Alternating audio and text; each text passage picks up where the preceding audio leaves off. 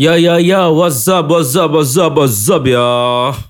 Kembali lagi di Ngulik Acak. Eh, eh, eh.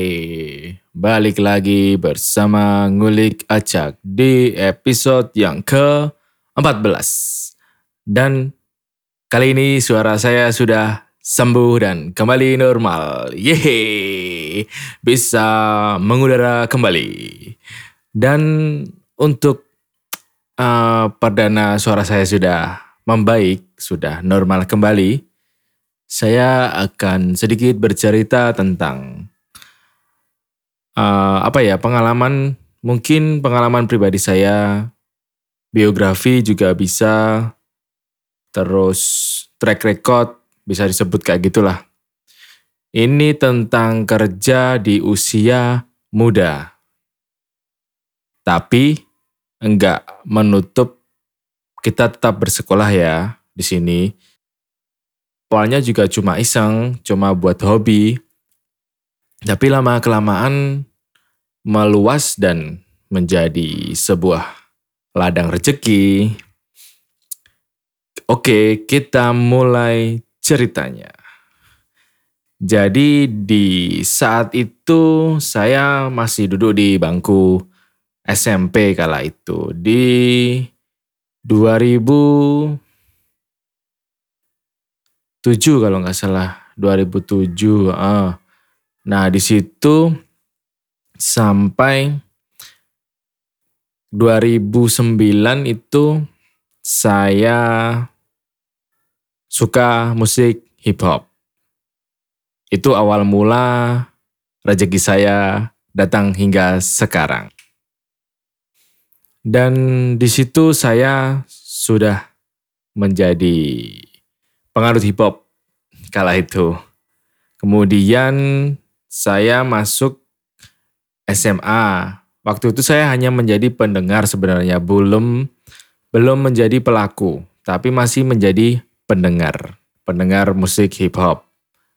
Waktu itu hip hopnya masih booming hip hop old school. Terus belum ada new school trap itu nggak terlalu booming tapi lebih ke old school masuk ke musiknya House of Pain, 50 Cent, Tupac, terus Big L, kemudian Cypress Hills, Daily Queen Habit, uh, oh ya Wu-Tang Clan yang paling hits kala itu. Dan kemudian di masa SMA saya mulai bikin lirik. Lirik tentang lagu hip hop, tentang realita kehidupan, bagaimana kita menyikapi hidup, bagaimana kisah kita bersama teman, terus kisah cinta tapi dalam bentuk yang enggak melo. Lebih ke kita memberi motivasi situ. Saat itu saya belum bisa bikin musik, tapi saya sudah bisa bikin lirik walaupun sedikit.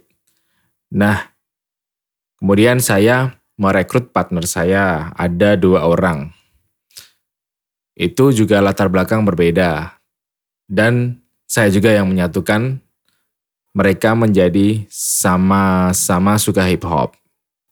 Di situ kita meracik dan saya masih beli beat, beli beat di seorang beatmaker. Dan itu juga guru saya sampai sekarang.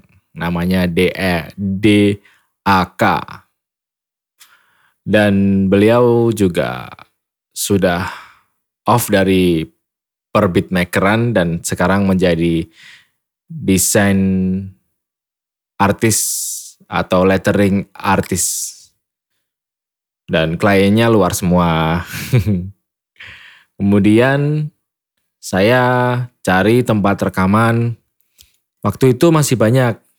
Ah, belum banyak banget sih, tapi saya yang kurang tahu tempat rekaman. Tapi saya dapat tempat rekaman itu daerah kota gede. Namanya tempat rekamannya itu Chicken Pro kala itu. Kemudian saya mencoba membuat satu lagu.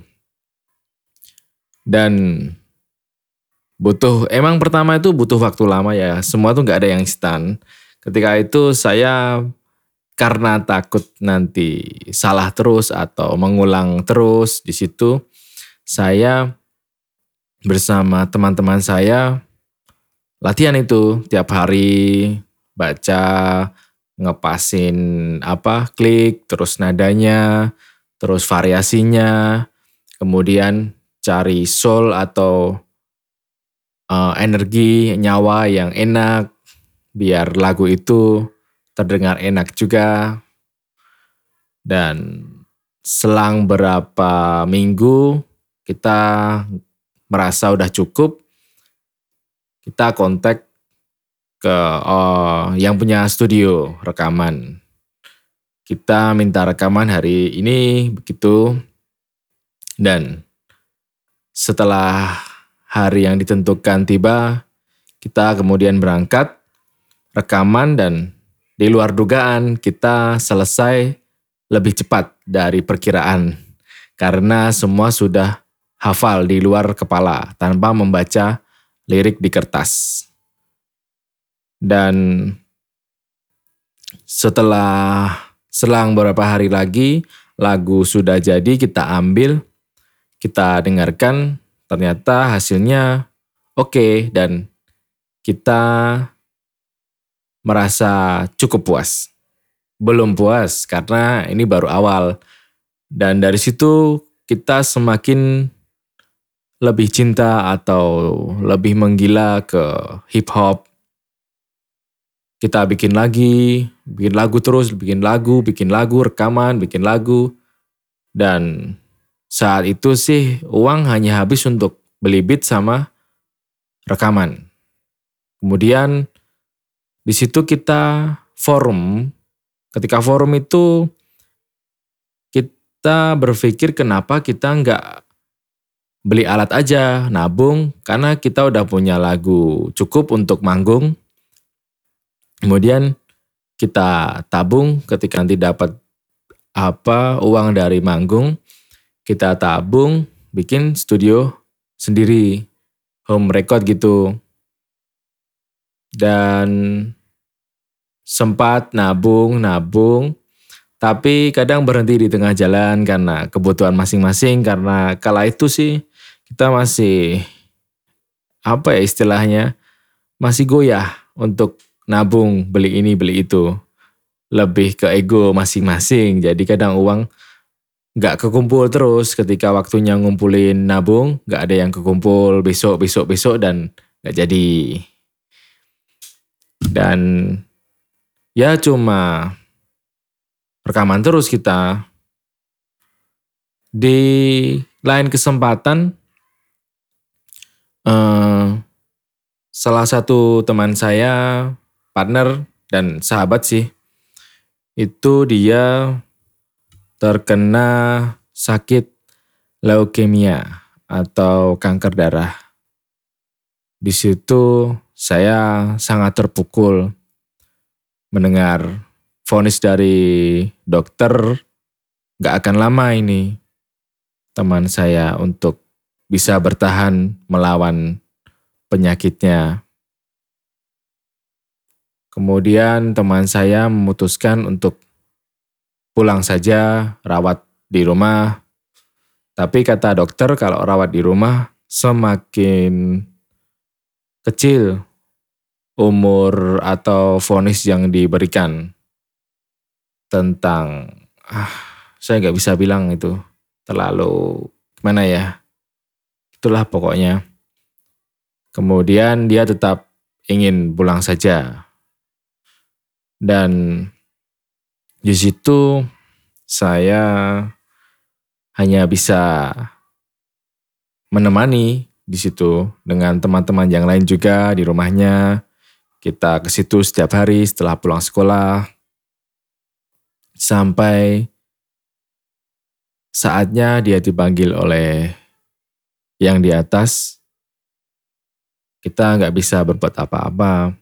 Padahal di situ beat musik yang kita pesen udah jadi dan itu musik yang emang udah kita tunggu karena musiknya enak ketika kita preview. Tapi kenapa musiknya jadi itu setelah dia dipanggil? Enggak, sebelum dia dipanggil. Semoga se apa agar dia bisa dengerin dulu gitu. Habis itu baru plong gitu loh maksudnya. Nah, lepas cerita itu nggak akan saya perpanjang ini karena mungkin kalian sudah tahu alurnya nanti. Setelah hari-hari berlalu tanpa salah satu teman saya dan teman saya yang satunya juga apa dia tersibukkan oleh kesibukannya. Jadi tinggal saya sendiri di situ. Kemudian saya curhat dengan beatmaker saya dan dia memberi solusi kenapa kamu gak bikin studio sendiri aja. Minta dana dulu, gak apa-apa minta modal. Nanti kalau udah jalan, baru kamu tuker pelan-pelan dari hasil kamu buka jasa. Itu. Kemudian saya beranikan untuk meminta modal dari orang tua saya beliin komputer, eh kala itu masih laptop. Saya beli laptop sama sound card. Belum ada speaker flat. Cuma laptop, sound card, mic sama headphone. Jadi saya waktu itu mixing masih pakai headphone. Dan di situ saya juga nggak ngira. Pertama itu emang saya niatnya untuk berkarya sendiri nggak nggak terlalu mikir lah nanti ini bakal apa dibuka umum atau enggak. Kemudian datang salah satu teman, tahu saya beli alat, dia coba rekaman, pakai masih pakai musik freebeat kala itu. Freebeat terus kita coba rekaman dan itu lagu pertama yang saya jadikan bahan percobaan. Dan saya coba kulik-kulik tentang mixing vokal, mixing beat di YouTube, tapi masih belum banyak. Dan saya menemukan sedikit-sedikit dan saya praktekin ke project teman saya itu ya nggak buruk-buruk amat untuk awal karena masih pakai headphone. Kemudian saya beranikan untuk membuka jasa rekaman masih pakai freebeat kala itu mereka. Kemudian saya share ke Facebook, ke grup hip hop Facebook. Kalau ada acara saya keluarin dana sedikit buat jadi sponsor atau saya nyumbang free rekaman buat promo banyak pokoknya promo yang saya buat kala itu untuk menunjang apa klien datang. Kemudian dari situ mulai banyak income kerasa. Banyak yang rekaman pelan-pelan. Pada datang, pada kontak dari dapat dari Facebook, dapat dari grup, terus dapat dari teman. Tapi yang apa ya? rumus yang paling kuat berjualan itu telinga ke telinga. Itu paling mujarab. Karena orang yang sudah pernah pasti kasih testimoni yang real. Beda ketika orang yang cuma dikasih info suruh nyebarin. Pasti banyak yang enggak begitu langsung percaya. Kalau enggak buktiin dulu. Tapi kalau ada orang yang udah pernah datang terus dia bilang ke temennya, itu lebih real karena dia udah tahu situasi yang sebenarnya. Dan dari situ saya mulai dapat pelanggan, terus uang juga mulai kekumpul dan saya belikan speaker flat. Masih speaker flat kecil 3 in kala itu. 3 in merek Samsung. Di situ saya coba mixing menggunakan speaker dan headphone. Jadi ditambah speaker flat. mulai naik grade lagi. Hasil mulai naik, naik.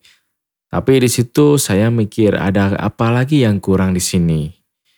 Saya cross check, saya cek kembali, saya coba record sendiri, saya cek vokal, kemudian saya mixing, masih ada yang kurang. Ini berarti yang kurang mic, mic sama sound card. Nah dari situ ketika masih ada pelanggan terus, terus, terus, saya nabung lagi.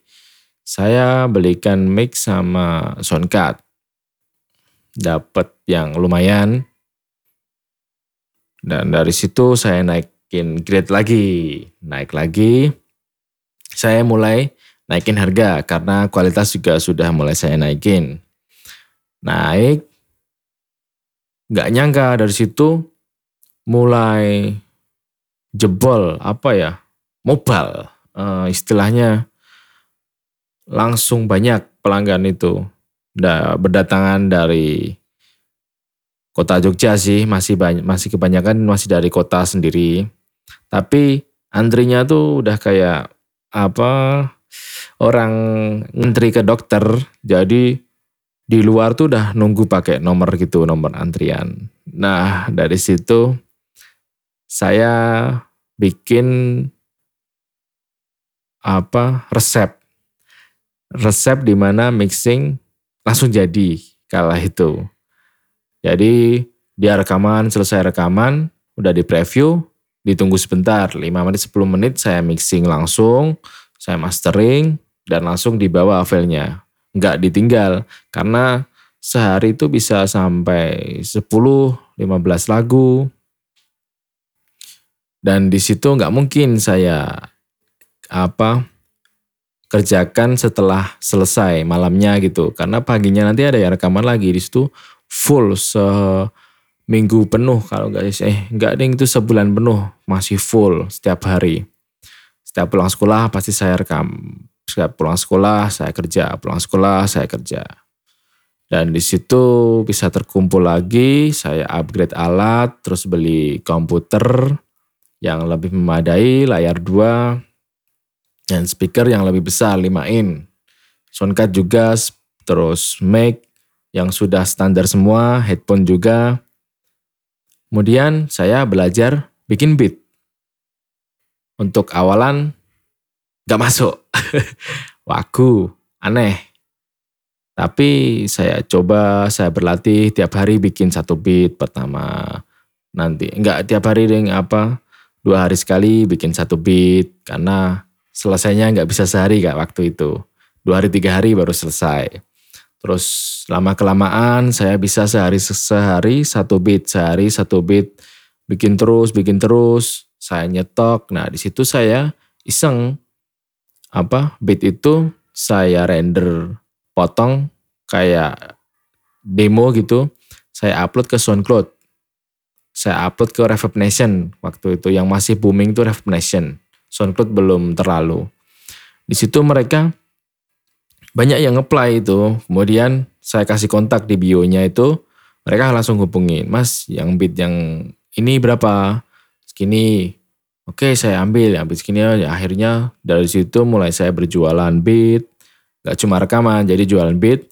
Nanti ada paket juga, beat sama rekaman segini, kalau beat aja segini, kalau rekaman aja segini, nanti mixing aja segini. Nah, saya kembangin lagi di situ menjadi lebih lebar.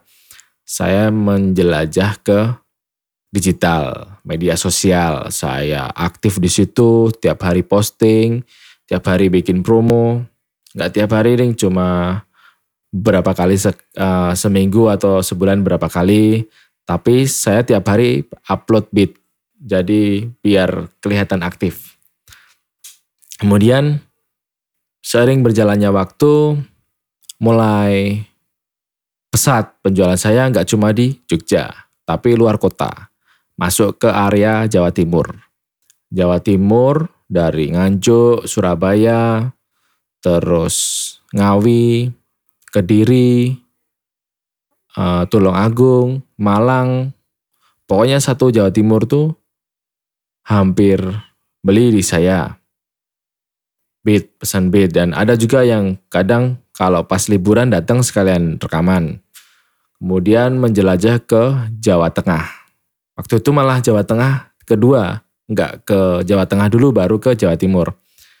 Jawa Tengah itu ada Tulungagung, eh Tulungagung, Temanggung, Semarang, terus Boyolali, Purwodadi, Purworejo, terus Purwokerto. Nah itu semua menyeluruh, mencakup lebih besar dan saya tembak lagi ke Jawa Barat. Jawa Barat tuh sempat masuk Kuningan, Depok, Bogor, Jawa, Jakarta Pusat, terus Bekasi, banyak pokoknya itu di daerah Jakarta. Tapi mereka kebanyakan online kalau Jakarta. Kalau yang datang tuh Jawa Tengah tuh masih kadang sa sampai ke sini. Semarang itu sampai datang Purwodadi, terus Purworejo datang, terus Purwokerto datang, Boyolali juga datang ada juga sih yang ke Diri itu tapi sekalian liburan itu datang mereka sambil sama sama rekaman. Dan saya lebarkan lagi, kenapa saya nggak jadi songwriter? Eh, songwriter. Ghostwriter maksudnya. Ghostwriter itu jadi saya menulis untuk artis. Tapi nama saya nggak dicetak di situ.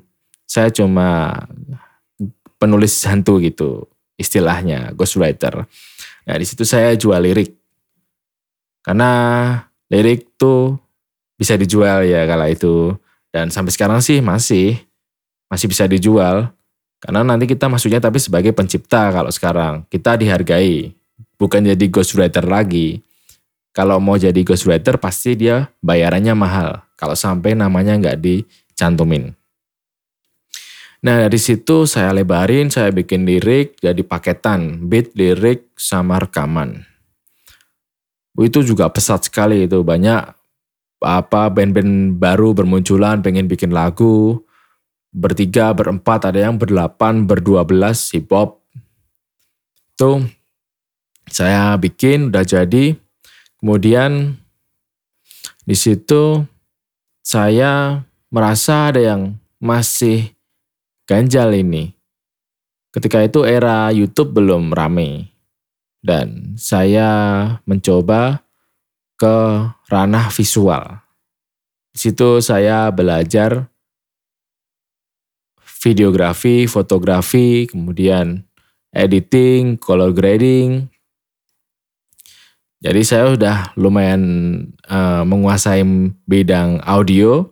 Saya pindah ke visual situ saya bikin promo. Ketika itu masih murah. Promo video satu paket. Ah, lagu sama video segini. Terus nanti kalau video aja segini kalau mereka ada punya lagu. Saya bikin, saya eksekusi, saya belajar lagi. Belajar juga cuma di bah Google, kalau nggak di YouTube. Dan sangat berarti itu ilmu yang nggak ada nggak ternilai. Bukan nggak ada nilainya tapi nggak ternilai di situ. Nggak ternilai harganya. Karena mereka mau meng-share ilmu tersebut tanpa pamrih. Ya mungkin income buat mereka sih adsense ya. Tapi kan nggak bisa satu dua orang yang baru mereka dapat adsense tapi baru harus beberapa orang harus beribu orang Makanya dari itu mereka tanpa pamrih meng-share ilmu yang mereka tahu dan dibikin tutorial dan kita tinggal mempelajari. Nanti tinggal diimprove aja. Misal ini kita keras ngerasanya kurang, ini nggak masuk, tinggal kita atur ulang, tapi kita kan udah dapat dasarnya. Nah dari situ saya bikin video, kemudian saya grading sendiri, semuanya sendiri. Sampai sekarang saya masih stay. Udah tujuh tahun lebih, hampir 10 tahun saya di lingkup hip hop. Di skena yang dari underground, love song, west coast, old school, kemudian funk, gay funk, Cicano, Mexican, dan sekarang sampai ke era trap, EDM, dubstep. yang campur-campur genrenya mumble. Saya juga baru belajar mumble. Ya itu intro itu termasuk agak ke mumble, ke Travis itu yang saya bikin intro kulik acak. Makanya pasti kalau udah kalau orang yang tahu hip hop pasti tahu kalau karakter ngulik acak tuh dia back apa backgroundnya tuh pasti dari hip hop karena dari awal tuh udah pakai intro beat musiknya remix dari Susu Murni. Terus uh, vokalnya di autotune kayak Travis. Kemudian dengan klik mumble. Eh eh eh skrt skah skrt nah kayak gitu. Itu kan karakter mumble hook hookannya dan lanjut di situ income yang saya dapat itu lumayan di atas PNS, nggak cuma UMR ya, tapi apa bayaran PNS tiap bulan. Itu di atasnya per bulannya. Dari usaha kecil-kecilan, dari hip hop saya bisa hidup dan melebihi para pegawai negeri sampai sekarang. Dan mungkin itu sedikit, ah nggak sedikit ya, agak panjang ini tadi. Ini podcast yang paling panjang menurut saya. Ya saya buat. Nanti mungkin bisa lebih panjang lagi ya, semoga. Karena yang sebelum-sebelumnya saya cuma bikin pendek-pendek. Karena saya apa uh, terburu-buru waktu, jadi ya cuma bikin bentar-bentar aja. Yang penting update dulu, kita bisa lebih akrab dulu antara audiens dan uh, kita sebagai podcaster itu sebagai presenter sebagai MC kalau saya suka MC sih sebenarnya. Ya back again with me why? Kayak gitu dan uh, tips dari saya sih, uh, maksudnya motivasi aja ini mungkin. Jangan takut berkarya dengan hobimu. Karena untuk era sekarang apalagi ya, era dulu aja saya dari hobi itu bisa jadi, bisa untuk makan. Tiap hari bisa beli baju, bisa beli sepatu, sandangan lah gitu pakaian, makan yang enak. Tapi uang sendiri ya, saya nggak minta. Dan saya SMA itu udah bayar sekolah sendiri, beli apa-apa sendiri. Kemudian eh, pokoknya sih udah hidup kayak hidup sendiri sih, maksudnya udah dapat bayaran di umur yang masih umur saya waktu itu masih eh, di bawah 17. 5 eh 16 kalau nggak salah kalau enggak 17, 16 lah itu kalau enggak 15, 16 tuh saya udah cari uang dan klien saya umurnya ada banyak yang di atas saya. Ada yang 20, ada yang 20 ke atas. Tapi dari situ saya jadi bisa memahami ketika saya ber, menjual sebuah produk ke orang yang lebih tua. Saya harus bisa menyikapi bagaimana, nah itu kan dari proses tadi, dari pengalaman, dari situ saya banyak pengalaman, banyak uh, yang saya dapat motivasi dari teman-teman dan sesama beatmaker, sesama rapper, sesama produser. Dan sekarang saya menjabat atau saya berkutik di bidang produs musik sama produs video bisa editing, bisa foto, bisa audio, pokoknya audio visual uh, lingkupnya. Desain pernah, tapi males. Karena saya kuliah di desain dan saya mundur, mau masuk ke musik lagi, ke karawitan. Karena saya mau masuk PNS.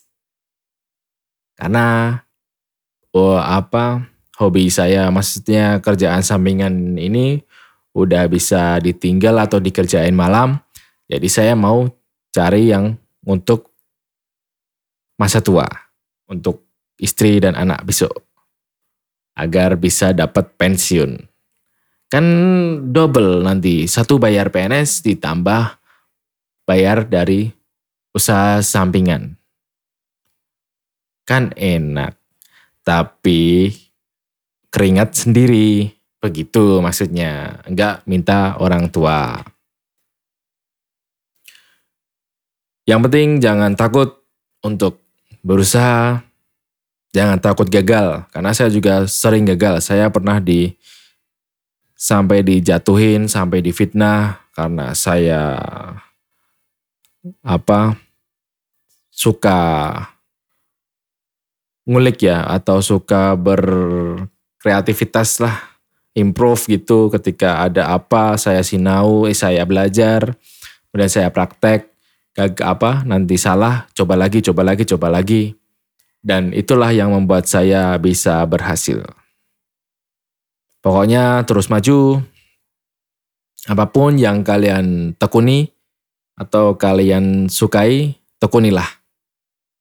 Nanti akan berbuah baik dan jangan lupa serawung serawung itu uh, kumpul sama teman yang sekiranya mereka profit buat kalian atau memberikan income yang baik. Semisal, yang penting jangan terlalu sering kumpul sama yang sesama, tapi kumpullah sama yang beda. Misal kalian kumpul dengan orang yang suka orang band, kalian hip hop, kalian kumpulnya sama orang band. Di situ nanti akan tukar pikiran dan banyak wawasan yang tertukar istilahnya.